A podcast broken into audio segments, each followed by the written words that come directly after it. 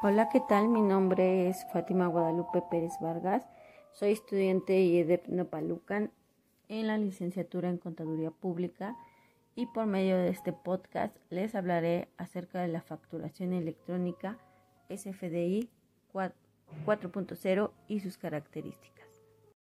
Bien, les comenzaré a hablar sobre la Secretaría de Hacienda y Crédito Público esta dio a conocer en el Diario Oficial de la Federación el 12 de noviembre de 2021 el decreto por el que se reforman, adicionan y derogan diversas disposiciones de la Ley del Impuesto sobre la Renta, de la Ley del Impuesto al Valor Agregado, de la Ley del Impuesto Especial sobre Productos y Servicios,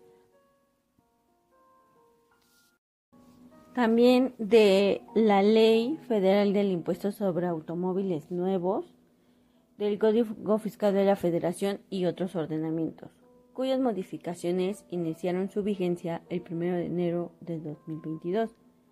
Dentro de los cambios dados a conocer en este decreto se encuentran diversos relacionados con los comprobantes fiscales digitales por Internet o facturas electrónicas, mejor conocidas como SFDI. Es importante recordar que los SFDI han sido utilizados por las autoridades fiscales como un medio de fiscalización y o verificación de cumplimiento de obligaciones fiscales muy eficiente, ya que con la sola comparación que tales autoridades realizan entre los valores consignados y los SFDI emitidos por los contribuyentes contra los importes contenidos en las declaraciones de impuestos presentadas por los mismos, determinan diferencias y en su caso pueden emitir una carta de invitación para que los contribuyentes verifiquen las diferencias o bien un requerimiento formal para que proporcionen la evidencia documental del correcto cumplimiento de sus obligaciones fiscales. Bueno, hablaremos de qué es el SFDI. El SFDI es el comprobante digital por Internet, es decir, es una factura electrónica, que describe un bien o servicio adquirido la fecha de transacción, el costo y los impuestos correspondientes al pago de dicha transacción. Este uso de facturas electrónicas entra a partir del 1 de enero del 2014, en donde se determina que será obligatorio el uso de estas facturas electrónicas para todos los contribuyentes, sin importar el monto de sus ingresos o tipo de actividad. Sin embargo, a partir del 1 de abril del 2023, los contribuyentes están obligados a emitir sus facturas electrónicas en la versión 4.0.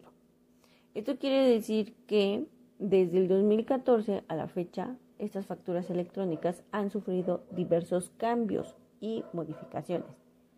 Por lo tanto, con la versión anterior, la última que se, que se había actualizado, que era la 3.3, existió un periodo de convivencia con esta versión que fue del 31 de marzo del 2023 a con la nueva el 1 de abril del 2023 y se considera ya la, la facturación 4.0 como única y será la pues la única válida. Aquí existen principales cambios eh, que hizo el SAT con respecto a las facturas electrónicas.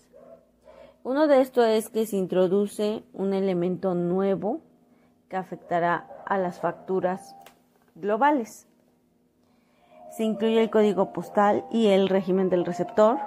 El nombre será obligatorio y se deberá validar.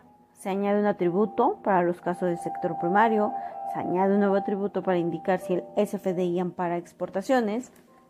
Al nivel de concepto se añade un atributo para indicar si el objeto, si es objeto o no de impuesto, se sustituye el complemento a cuenta de terceros por un elemento nuevo a nivel de concepto y existen ajustes en reglas de validación.